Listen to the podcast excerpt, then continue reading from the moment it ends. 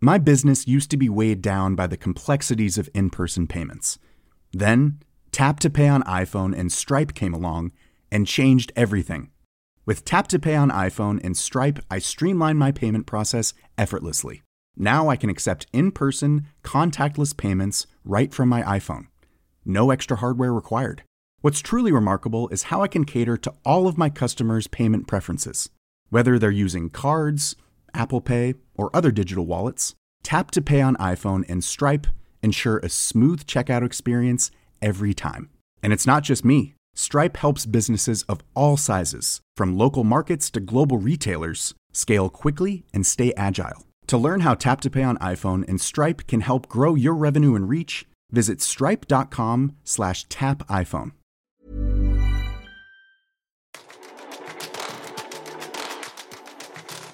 Hei og velkommen til Teknologitrender, podkasten som tar et entusiastisk, men også et kritisk blikk på hvordan teknologi og digitalisering endrer og påvirker våre liv og næringsliv. Episoden presenteres av Episenter, Oslos hub for digital innovasjon og et økosystem for innovative selskaper i vekst. Gå inn på episenteroslo.com og bli medlem du også. Innhold er konge, men kontekst er Gud, uttalte Gary Vaynerchuk tilbake i 2016. Og i dagens digitale virkelighet, hvor alt kan tas ut av kontekst og fremstå som noe helt annet enn det først var tiltenkt, ja, så er det ingen tvil om at kontekst er ekstremt viktig. Konge, Gud, eller kanskje enda viktigere enn det. Det er litt rart samtidig å tenke på at det er snart 30 år siden Bill Gates, daværende toppsjef i Microsoft, uttalte at innhold er konge. Frasen kom da i anledning av eh, World Wide Web, og nå snart tre tiår senere, ja, så lever vi i en verden hvor teknologien har fundamentalt endret på måten vi lever, leker, lærer og jobber. En verden hvor sosiale medier og smarttelefoner er fundamentet i måten vi samhandler med innhold og kommuniserer med hverandre på over internett. En hverdag hvor det kontekstuelle, altså hvordan vi kommuniserer og på hvilken måte innholdet blir presentert på, har blitt like viktig som det faktiske innholdet som blir konsumert. Kontekst er den sammenhengen innholdet befinner seg i, i bakgrunnen, for å forstå f.eks. av en historie, enten i form av en ytring, en kommentar, en tekst, men også et bilde eller et kunstverk. Som Store norske leksikon beskriver det, kontekst er de forholdene i omgivelsene som er relevante for forståelsen eller tolkningen av en ytring, eller for produksjonen av den. Og nettopp derfor vil jeg påstå at kontekst ikke bare er kongen eller Gud, men alt. Og når kontekst er alt, tenk da så lett det er å tolke noe feil, hvis det som da ytres, blir da tatt ut av den konteksten det opprinnelig var plassert i. Og i dagens digitale virkelighet skjer det her hele tiden.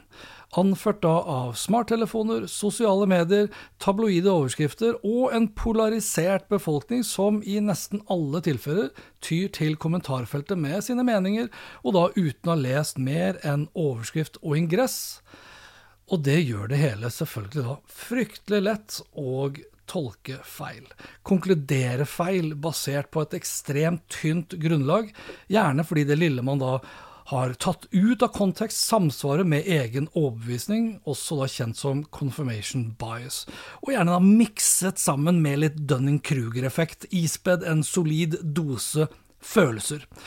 For følelser har jo for lengst trumfet fakta når det kommer til hvordan stadig flere av oss forholder seg til innhold og kontekst i sosiale medier. Her har jeg lyst til å trekke frem Rembrandt som et eksempel, og da ikke Rembrandt som person, men i form av et maleri som han har malt, og som henger, iallfall hang i 2014, på Riksmuseum i Amsterdam, Nederland. Og Rembrandt-bildet det er snakk om, er The Night Watch, eller da Nattevakten. Og det er ikke bildet i seg selv som er det jeg skal fram til, rent kontekstuelt, men bilde av bildet.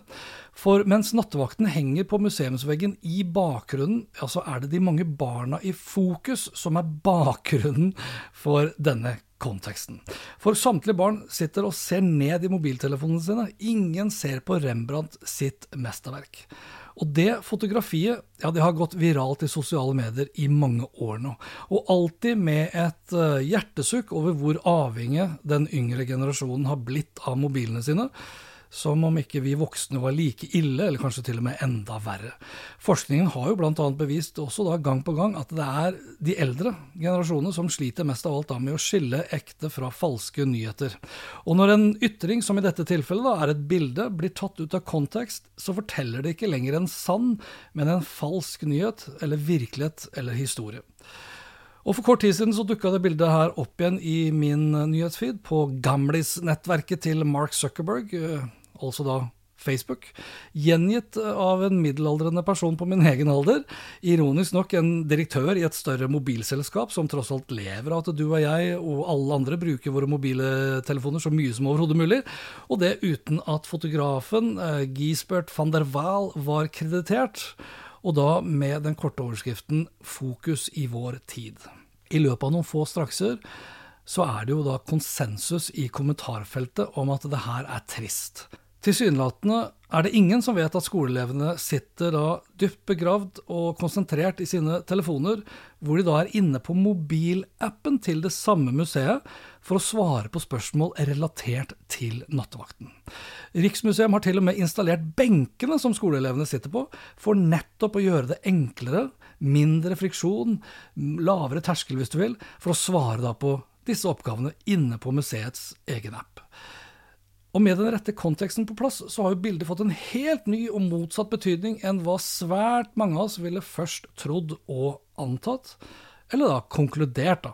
Slik vi ofte tar raske beslutninger basert på et bilde, en tabloid overskrift og konsensusen gjerne i kommentarfeltet. I Rembrandt-tilfellet så er det kanskje litt morsomt og uskyldig, men vi må vite at både fakta og bilder som blir tatt ut av kontekst, har blitt en av de mest typiske formene for spredning av falske nyheter, propaganda og feilinformasjon nå i dag.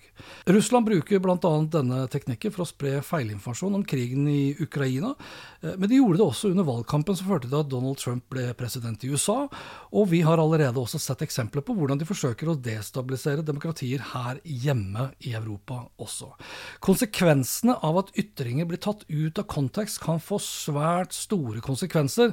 Og det er også derfor World Economic Forum tar frem evnen til nettopp kritisk tenkning som en av de viktigste egenskapene vi bør inneha i tiden fremover. Teknologiutvikling har for lengst gitt oss fantastiske muligheter til å konsumere og kommunisere når som helst, hvor som helst og på hvilken som helst enhet vi måtte foretrekke, stadig raskere og i stadig større oppløsning, og snart in your face i form av VR-briller eller linser på øynene, eller da implantater koblet direkte til våre hjerner. Og med stadig mer av hverdagens mange avgjørelser overlatt til algoritmer og kunstig intelligens, ja, så blir nettopp evnen til kritisk tenking og analyse stadig viktigere og viktigere. Blant de ti viktigste kunnskapene du bør inneha i 2025 ifølge World Economic Forum, så handler ingen av dem om teknologi først og fremst, men om hvordan du og jeg skal bli bedre på å tenke, løse komplekse problemer, beherske læringsstrategier, og igjen da stille kritiske spørsmål. Være nysgjerrige, ikke naive. Og som jeg alltid legger til avslutningsvis i disse episodene her, ikke bli teknologisjåvinistiske. Med andre ord, ikke tro at alt av utfordringer og problemer nødvendigvis skal og må løses av enda mer teknologi. Det er viktig å bruke huet også. Husk, kontekst er jo, som sagt, ikke bare konge og gud, men alt. Og dette var dette. Til alt jeg snakket om, finner du som alltid på. Snakkes da. Hei då.